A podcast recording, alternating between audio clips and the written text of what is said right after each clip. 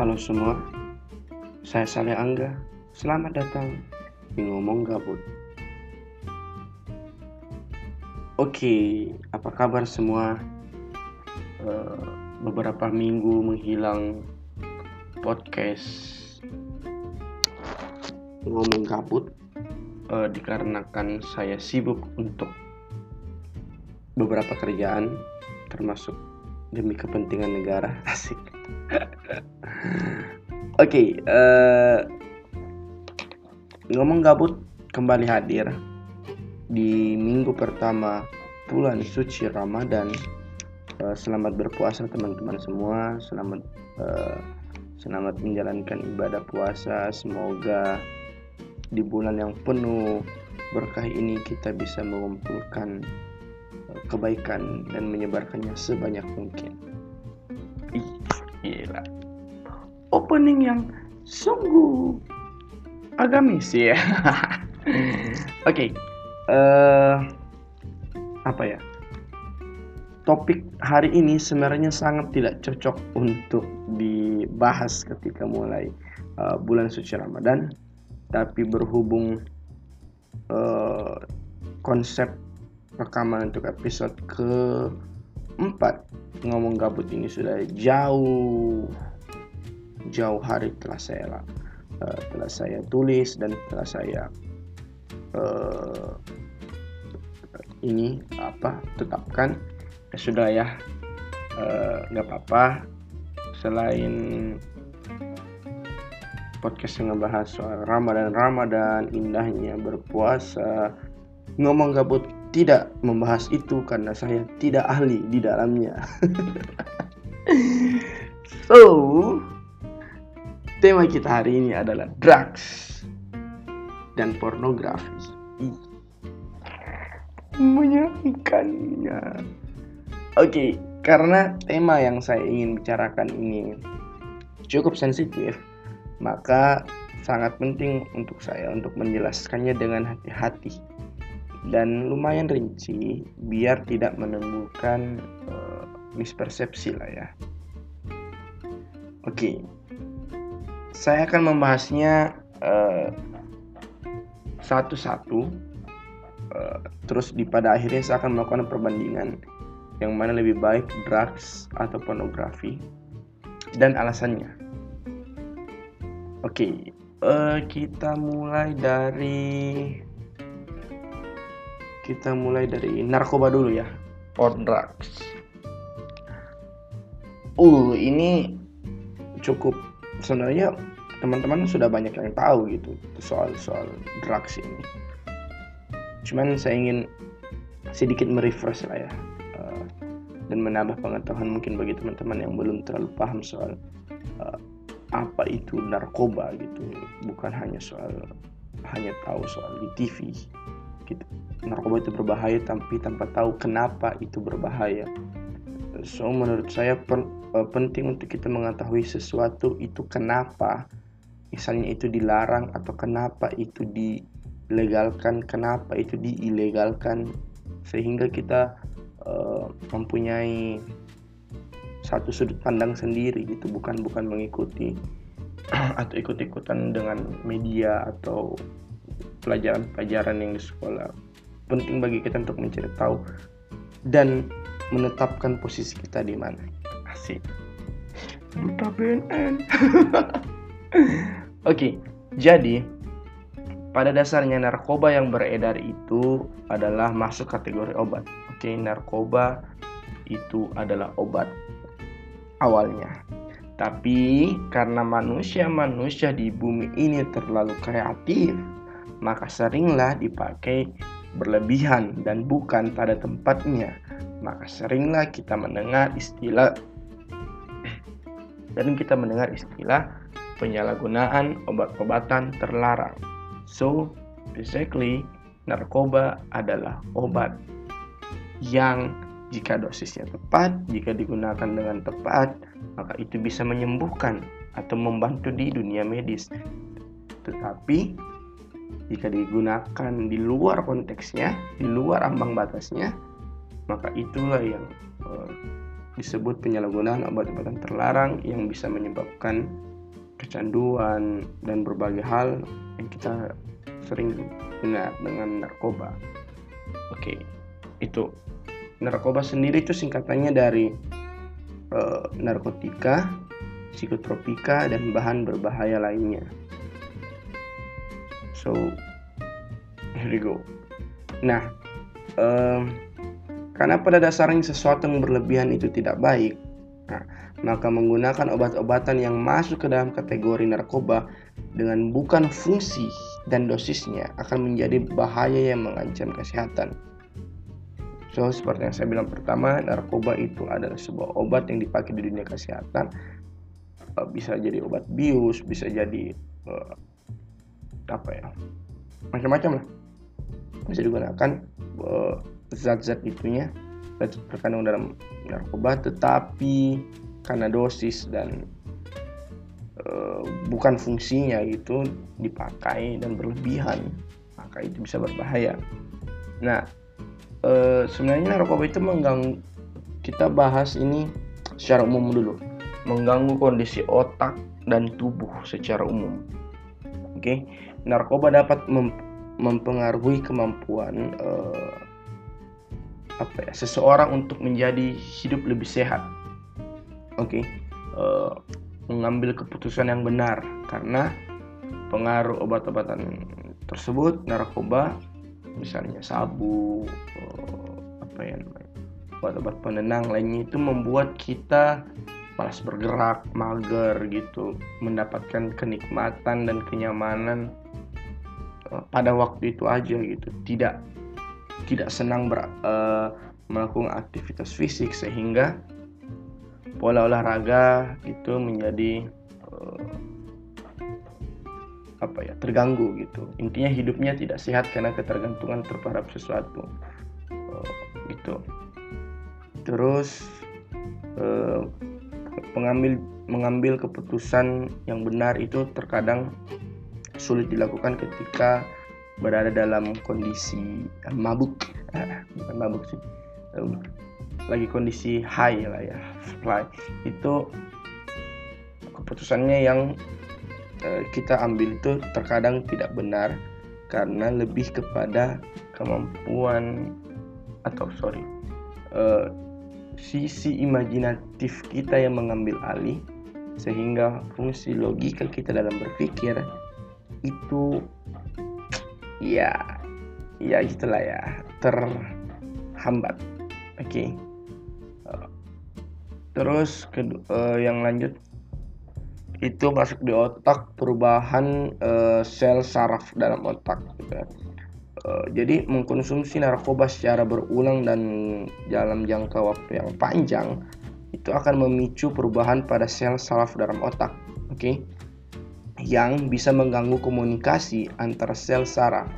Jadi uh, mungkin secara fisik, secara luar orang-orang memakai narkoba itu bisa menyembunyikannya, oke? Okay?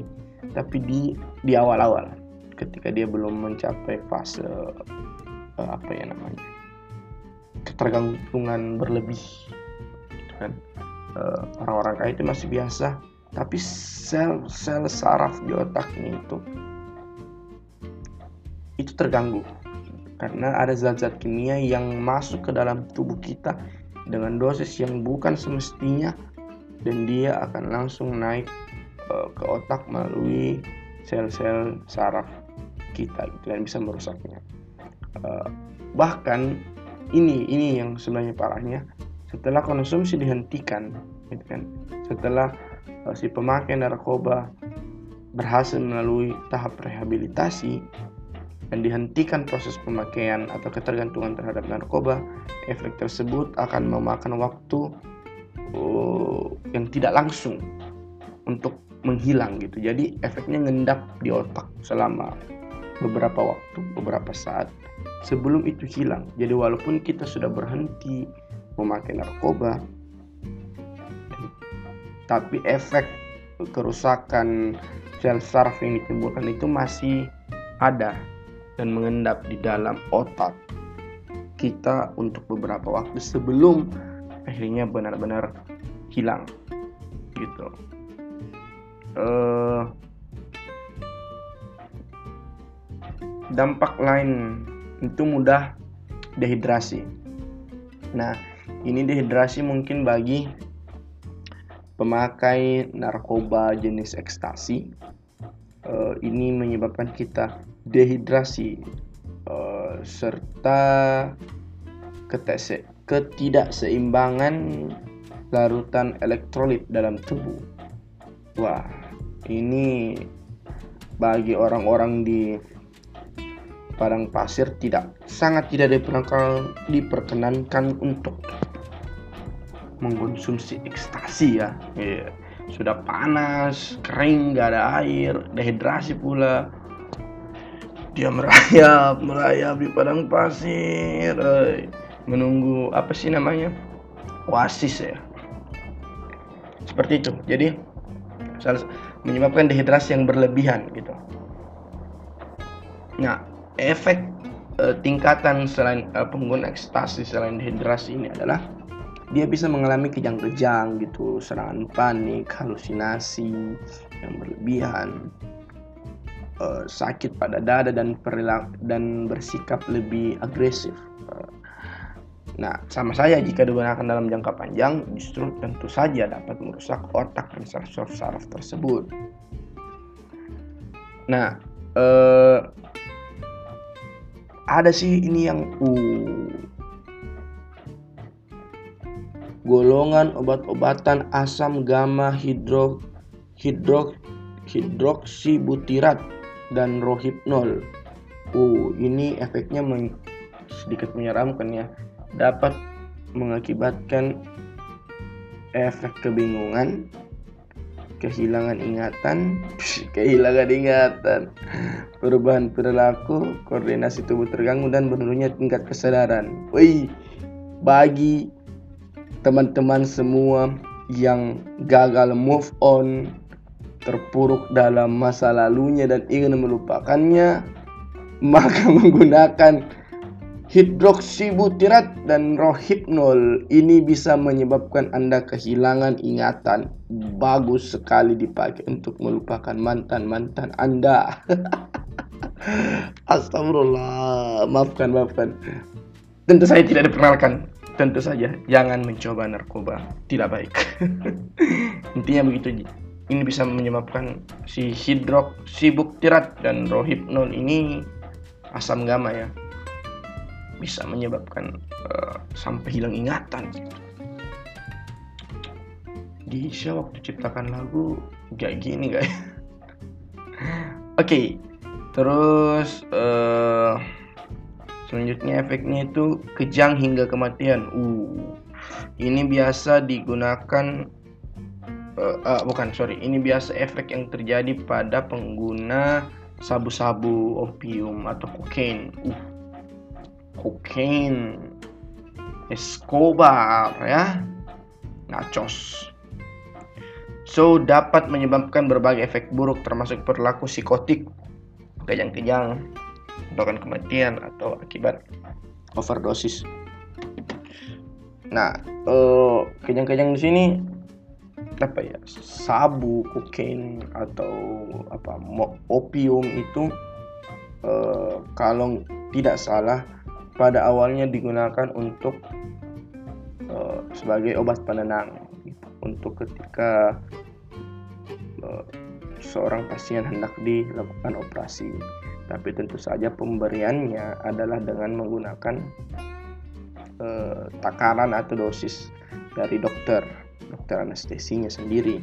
Opium sih opium dan kokain terutama zaman dulu di hingga sekarang kalau nggak salah jadi ada ada perhitungannya gitu.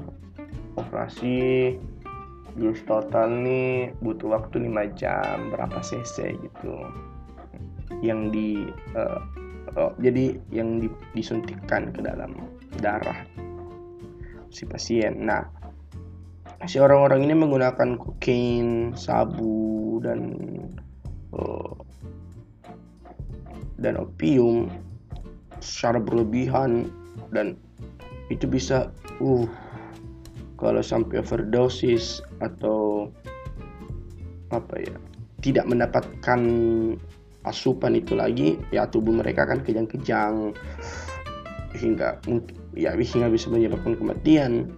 So, karena sabu, opium dan apa uh, kokain ini adalah barang mahal, jadi kalian sobat-sobat miskin janganlah memakai narkoba karena narkoba itu adalah mainan orang-orang kaya. Jika kalian tidak sanggup membeli, melanjutkan, hmm, matilah kau. Jadi jangan pakai narkoba kalau kalian masih miskin ya. Jangan pakai narkoba kalau kalian masih miskin. Begitupun kalau kalian sudah kaya, perbanyaklah ibadah, perbanyaklah berbagi rezeki. Narkoba itu tidak baik, sangat tidak baik.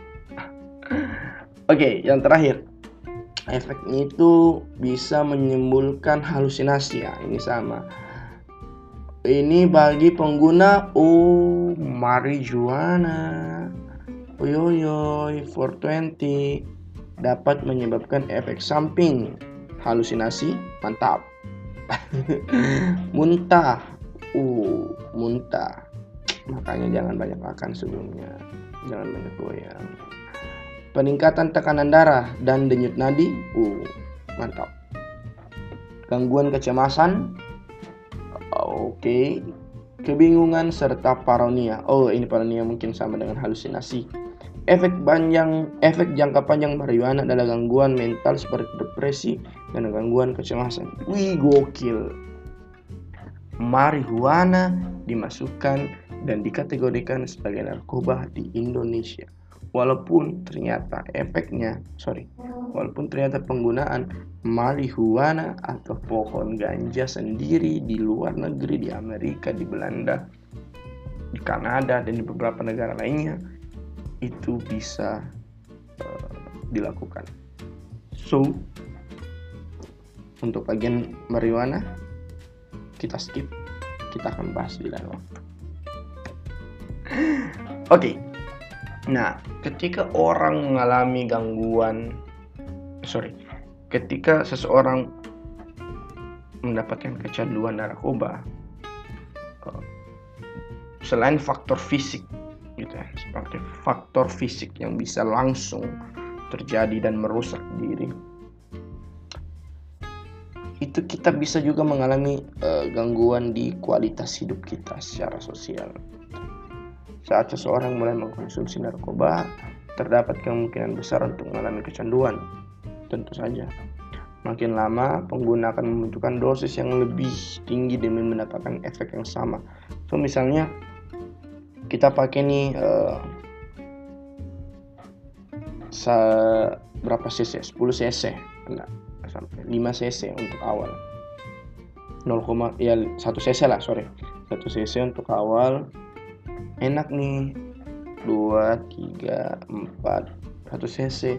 Nah karena pada dasarnya manusia adalah oh, makhluk yang apa ya ingin terus gitu. Ingin terus mendapatkan yang lebih. Sehingga ah satu cc ini dosisnya kurang. Dia naikkan lah. Dia naikkan sehingga uh, jadi darah-darah dari tuh, kondisi tubuh itu sudah mulai beradaptasi bahwa ah satu cc itu nggak pen apa tidak mempan lagi. Kita butuh naikkan. Ya dinaikkan lah. Dosisnya 5 10 hingga entahlah berapa. Nggak tahu juga. Nah Ketika efek narkoba mulai hilang gitu, pengguna akan merasa tidak nyaman akibat munculnya gejala putus obat dan akan ingin kembali memakainya. Nah inilah yang saya bilang overdosis gitu. Kalau ketika obat tidak tersedia, dia sakau atau berlebihan memakainya menyebabkan ya hingga kematian gitu kan. Narkoba yang larut di dalam tubuh akan dialirkan melalui darah ke seluruh tubuh ke dalam otak. Jadi uh, jalur distribusi narkoba ke otak itu melalui darah darah uh, narkoba macam yang disuntikan ekstasi sabu dan semacamnya itu akan masuk melalui darah. Dan darah tentu saja dipompa ke otak otak menurunkannya itu kembali ke jantung. So ketika memasukkan narkoba zat kimia berbahaya dari ke dalam tubuhmu maka hanya tinggal tunggu waktu kerusakan otak jantung itu akan memberikan efek yang cukup besar. Seperti itu. Oke? Okay? nah uh, selain berpengaruh langsung kepada tubuh kita bahaya narkoba juga itu bisa ya itu seperti saya bilang tadi kualitas hidup. Karena kita mulai emosi kita mulai tidak stabil kita bisa menimbulkan masalah di kantor oh, kita bisa jadi kemampuan kita untuk mengambil tanggung jawab itu bisa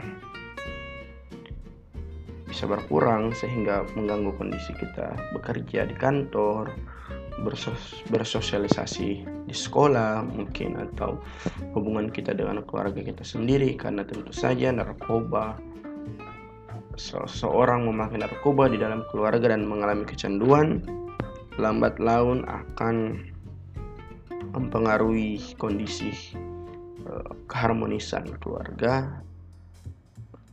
Karena ya seperti kita tahu memakai narkoba membutuhkan biaya yang tidak sedikit gitu kan. Kesulitan uang uh, bahkan sialnya bisa berurusan dengan uh, pihak kepolisian. So jika anda miskin jika anda tidak punya backingan di pemerintahan kepolisian atau siapa pun jangan coba-coba narkoba. Gitu kan. Tapi jika anda memilikinya memiliki uang punya harta yang berlimpah punya koneksi yang besar, maka jangan juga memakai narkoba, tapi justru membantu orang-orang untuk sadar bahwa narkoba sangat berbahaya. Asik. Oke. Okay. Ya, seperti saya bilang tadi itu narkoba ya banyak dampak gitu, dampak biologis ke tubuh. Oh, coba kita compare dengan alkohol ya. Jadi so salah satu contoh adaptasi biologis dapat dilihat um, dengan alkohol gitu. Alkohol itu mengganggu pelepasan dari beberapa transmisi syaraf otak, syaraf di otak. Alkohol juga meningkatkan citosel dan mitokondria yang ada di dalam liver. Oh, oke. Okay. Untuk menetralisir zat-zat yang masuk sel-sel tubuh ini menjadi tergantung pada alkohol dan menjaga keseimbangan baru ini uh, ini bagi yang suka mabuk-mabuk ya mabut ya menggunakan alkohol. Efeknya liver itu nah di, bedanya dengan narkoba itu oh, kita tidak ketika alkohol uh, kita bisa langsung berhenti gitu. Uh, tanpa ada ketergantungan lebih terhadap uh, seperti narkoba. Walaupun uh, banyak beberapa kasus di negara yang uh, maju orang-orangnya menjadi ketergantungan terhadap alkohol dan butuh direhabilitasi. Uh, dan saya dunia saat ini sedang dihuni oleh manusia-manusia yang rentan akan adanya uh, ketergantungan terhadap sesuatu obat-obatan minuman sehingga butuh banyak rehabilitasi rehabilitasi termasuk ketergantunganku terhadapmu asik. Oke okay. uh, eh, nah kalau nar kalau misalnya narkoba gitu kan coba dihentikan. Uh, itu sulit. Itu sulit ketika kita sudah mengkonsumsi narkoba. Kemudian kita tiba-tiba menghentikannya uh, apa ya? Tidak bisa diforsir terlalu keras gitu kita kita kita dipaksa untuk menghentikan memakai narkoba. Itu ada namanya masa gejala putus obat GPO ada ada fasenya gitu. Misalnya bayangkan efek-efek yang menyenangkan dari suatu narkoba dengan cepat berubah menjadi GPO atau gejala psikopat yang sangat tidak mengenakan saat seorang pengguna berhenti menggunakan narkoba seperti heroin. Uh, dia betul-betul bisa mengalami uh, banyak hal mulai dari diare, pusing, keringat dingin, muntah-muntah. Pokoknya proses penyembuhan itu sangat-sangat menyakitkan. So jangan pakai narkoba, jangan pakai narkoba. Yes. Oke, okay. tapi segala hal di dunia ini diciptakan itu berpasang-pasangan. Jika ada sisi negatif, sisi hitamnya, maka ada sisi positif, sisi putihnya narkoba pun begitu seperti yang saya bilang tadi itu bisa digunakan sebagai obat-obatan nah oke okay. uh, eh, sebenarnya gini jika digunakan sebagaimana mestinya terutama untuk menyelamatkan jiwa manusia dalam hal pengobatan tentu saja narkoba ini memberikan begitu banyak manfaat bagi kehidupan manusia yang pertama itu ya saya bilang opium jadi selama berabad-abad lalu digunakan sebagai penghilang rasa sakit. Oke, okay? uh, di beberapa negara juga digunakan sebagai untuk mencegah batuk dan diare. Gitu. Terus untuk kokain daunnya, so jadi uh, kokain itu ini dari daun koka. Itu sama nggak ya sama Coca Cola? Eh, tapi Coca Cola kan juga dari tumbuhan koka benar nggak sih? Nah intinya kokain itu dari daun koka uh, nah ini biasanya dikunyah untuk meningkatkan daya tahan dan stamina serta mengurangi rasa lelah. Ya macam doping lah ya. Jadi yang pakai kokain tuh stamina-nya gitu. Berkali-kali lipat cuman jika dia berhenti menggunakannya boom tubuhnya ambruk.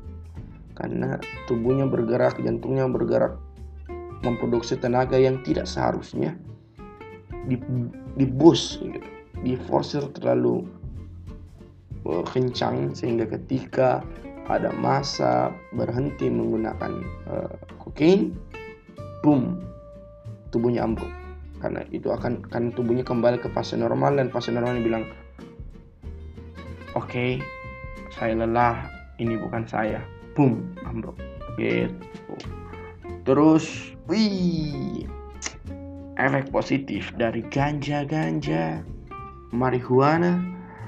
Uh, jadi zaman dahulu kala orang-orang menggunakan tanaman ganja untuk membuat uh, kantung uh, apa ya? Karena kantung pakaian kan kain gitu kan. Karena serat uh, dari tanaman ganja yang menghasilkan ini sangat kuat. Begitu juga bijinya. Uh banyak lah untuk ganja sendiri seperti yang saya bilang saya akan membahasnya di satu episode. Oke. Okay? Karena ada beberapa hal yang harus kita tahu tentang ganja. Oke, okay, that's it. Narkoba, that's it. Narkoba, efeknya apa?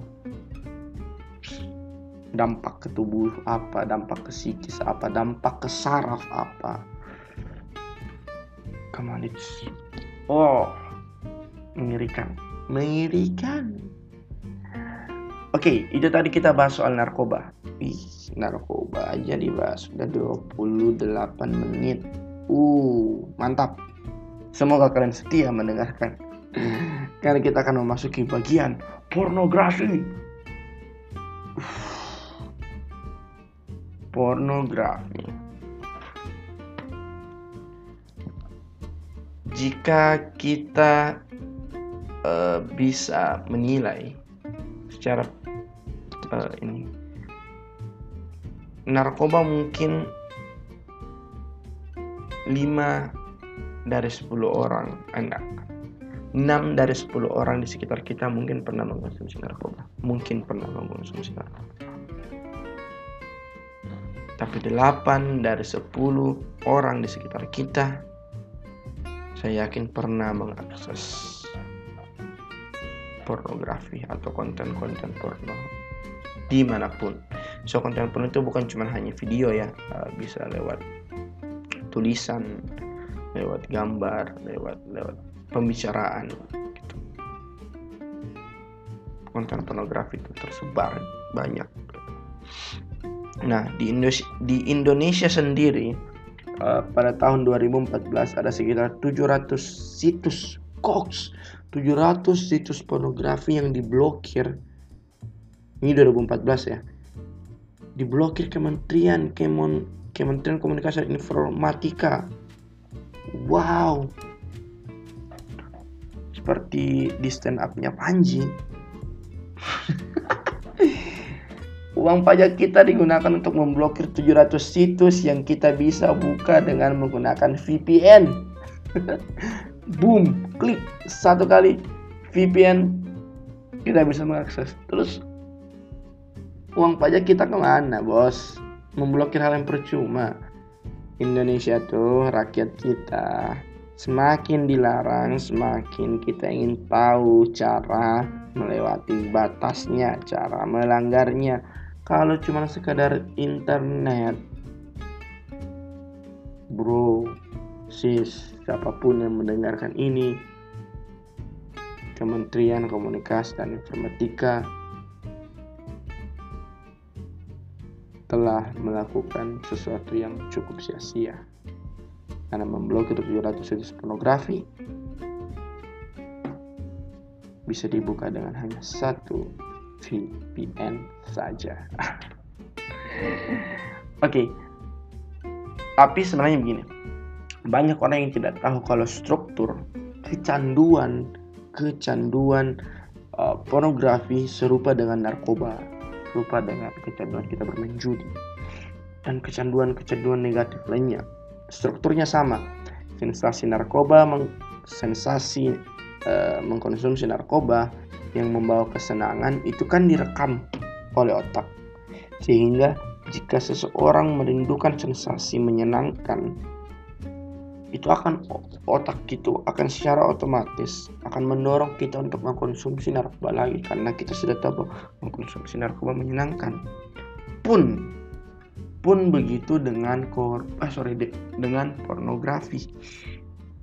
Ketika kalian sudah menonton film uh, contoh lah paling gampang di di, di dijumpai adalah menonton video porno. Ketika sudah nonton dan rasa waduh mantap sekali. Terus di suatu malam dengan kamar dingin, AC 16 di dalam selimut, jam 11 malam saat mau tidur tapi pikiran belum mau tidur,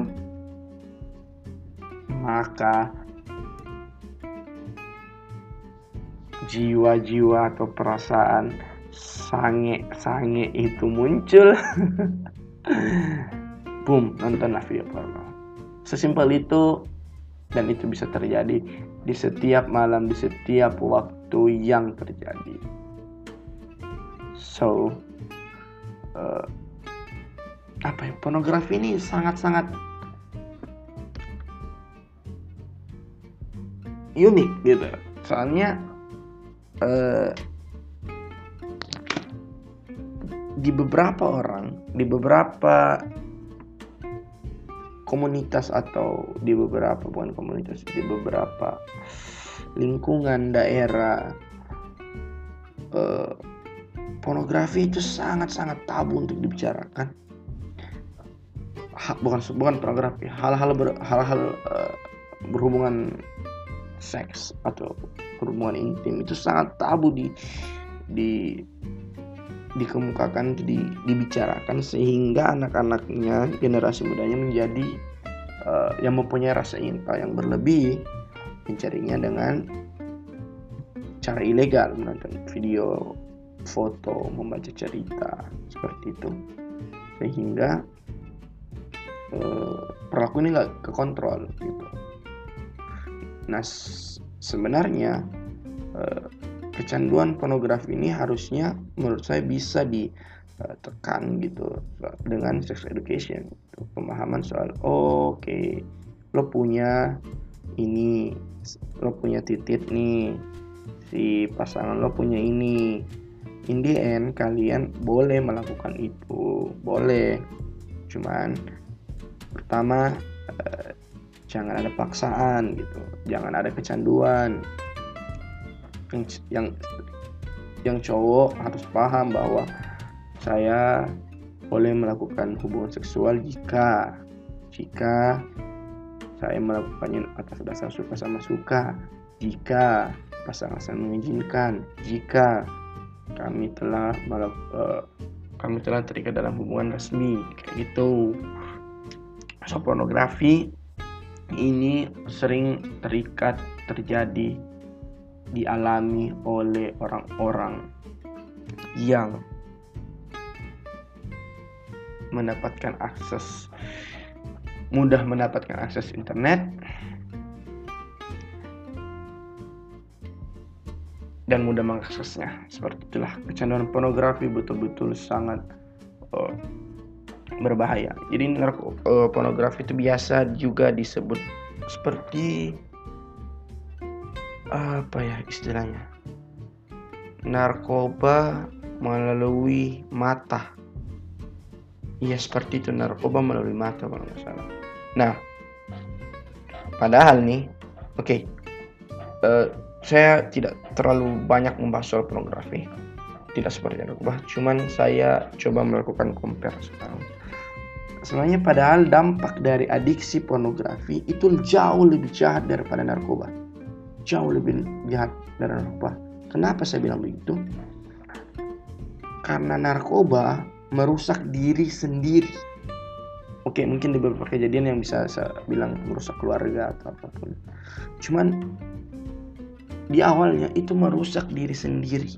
Oke, yang hancur tubuhnya, yang hancur mentalnya sendiri, yang hancur fisiknya sendiri, yang hancur keuangannya sendiri. Kalau keluarga, kalau sudah berkeluarga mungkin mungkin ya kondisi keuangan keluarga cuman pada dasarnya itu menghancurkan diri sendiri narkoba but kalau pornografi selain merusak diri sendiri melalui uh, ketergantungan tadi yang menyebab, which menyebabkan sel saraf terganggu itu orang tersebut tidak dapat mengontrol keinginan seksualnya sehingga bisa menyebabkan atau merusak orang lain di sekitarnya.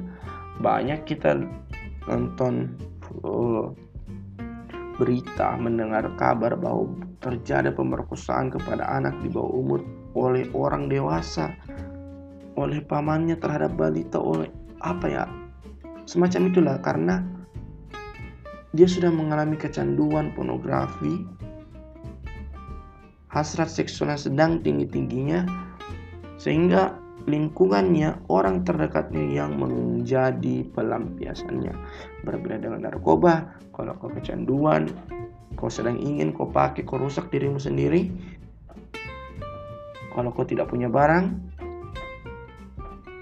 uh, kau dapat fase sakau yang yang kesakitan adalah dirimu sendiri sementara pornografi itu merusak orang di sekitarmu dan itu sangat sangat berbahaya.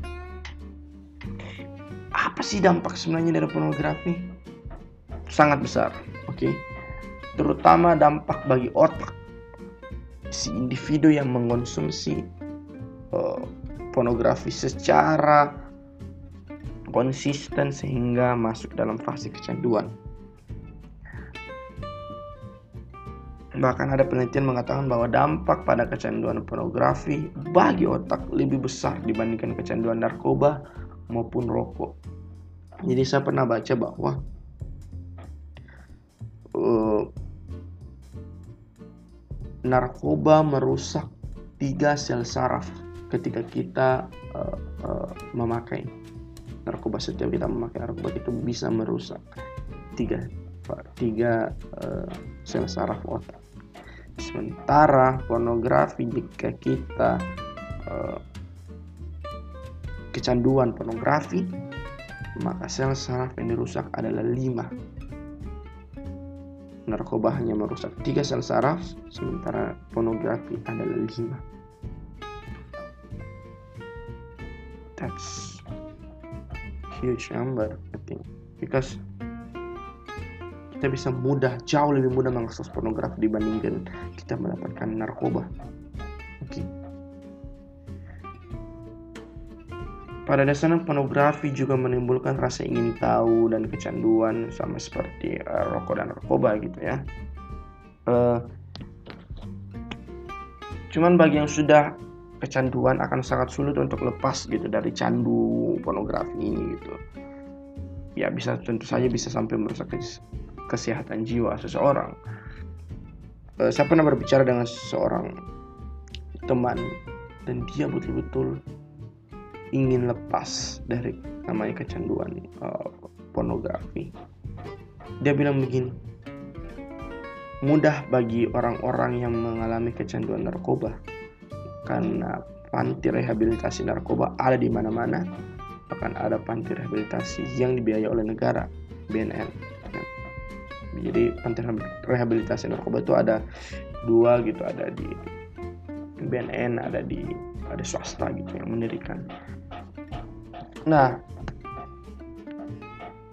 terus dia bilang gini, tapi saya tidak pernah melihat namanya ada di Indonesia. Di Indonesia.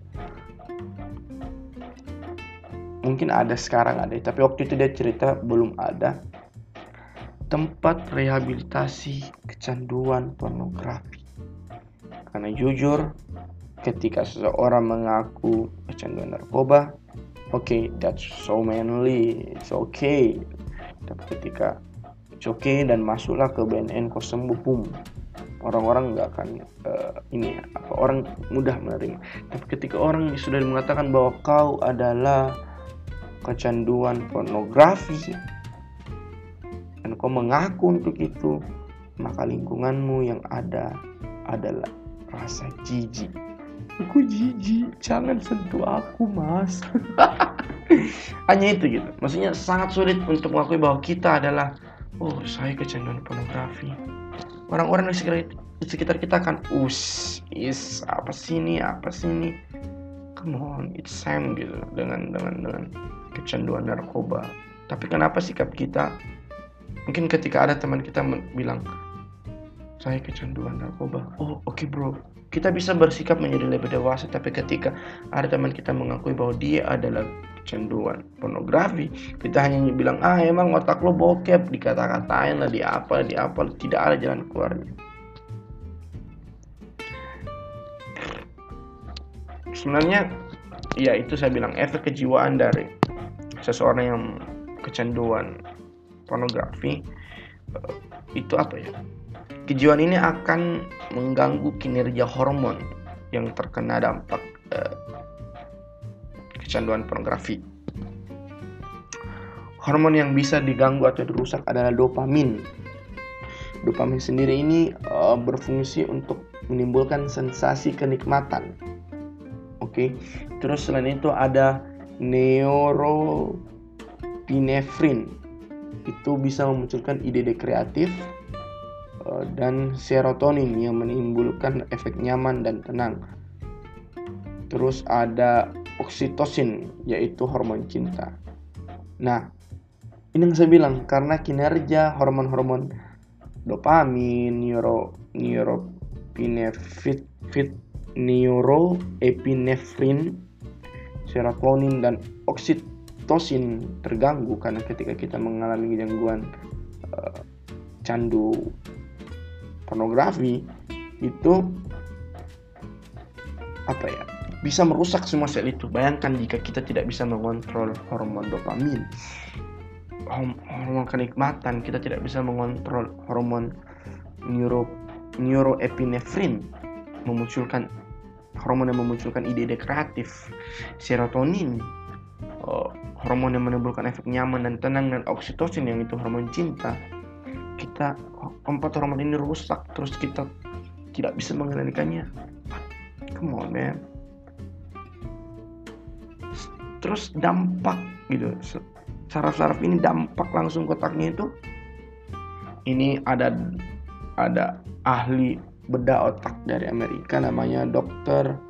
Donald Hilton. Wih, ini seperti anak dari Donald Trump dan Paris Hilton.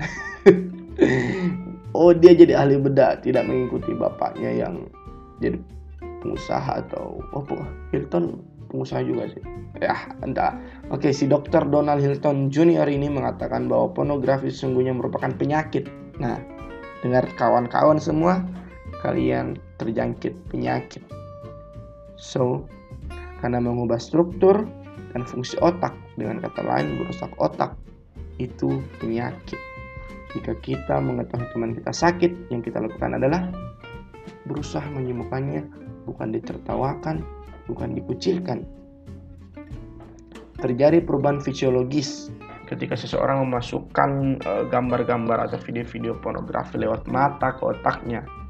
Kerusakan yang dihasilkan sangat dahsyat bila kecanduan narkoba, seperti saya bilang tadi, menyebabkan merusak tiga bagian otak, maka penggunaan materi pornografi yang berkelanjutan menjadi candu dapat merusak lima bagian otak. Sorry, bukan saraf lagi, tapi bagian otak yang rusak. Nah, bagian otak yang diserang itu itu bagian limbik. Limbik tuh di sini nih, di, di kening, di dahi. Itu depan gitu. Itu bertanggung jawab pada logika berpikir. Jadi kalian yang mencandu pornografi logika logika berpikir kalian menjadi terhambat karena ya, sudah ada rusak gitu bagian otak itu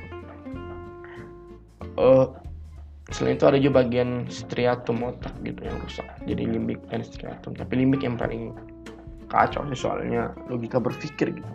Bagaimana kita bisa hidup dengan ketidakmampuan otak kita memproduksi logika berpikir? What the man? Hmm, kok hanya menjadi songgok daging yang hidup sesuai perintah gitu.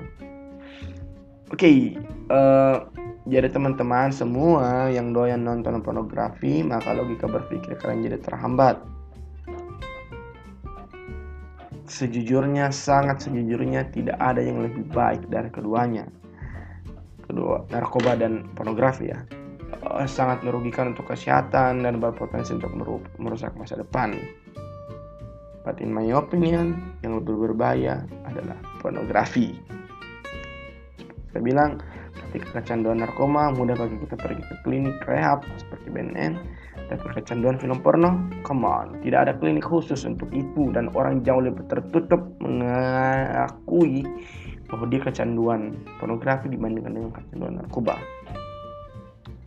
Opsi menikah pun saya rasa bukan solusi yang ideal karena pernikahan tidak melulu hanya soal ranjang, soal ngewek, soal mengeluarkan apa yang harus dikeluarkan dari tubuh ke dalam wanita. It's not simple like that. Pernikahan jauh lebih kompleks. Jadi ketika ada orang mengalami kecanduan pornografi atau kecanduan seks, lalu dia disuruh menikah, sangat tidak bijak untuk melakukan itu. So, bagi teman-teman yang kecanduan dan merasa sulit memperbaiki dirinya sendiri, ini untuk kecanduan pornografi ya. Jangan malu untuk pergi ke psikolog untuk mendapatkan penanganan yang lebih tepat dan profesional lah. Tema hari ini ada drugs dan pornografi. But in my opinion, drugs is better than pornografi. Poinnya adalah jangan pernah berani mencoba keduanya Jangan pernah berani mencoba keduanya. Jika sudah terlanjur, maka sadarlah untuk berubah. Karena perubahan permanen, baik itu ketika Anda kecanduan narkoba atau pornografi itu berasal dari diri sendiri. So, kita sampai di akhir. jangan gunakan narkoba, jangan pernah kecanduan pornografi. Nonton sesekali oke okay lah wajar. Mungkin sebagai laki-laki tapi untuk mencapai tahap kecanduan artinya ada uh, waktu yang berulang jangan pernah melakukan. It's hard bro. Sis. Daripada nonton Mia Khalifah mending jadi Wiz Khalifa. Ngomong ngomong gabut pamit. Ciao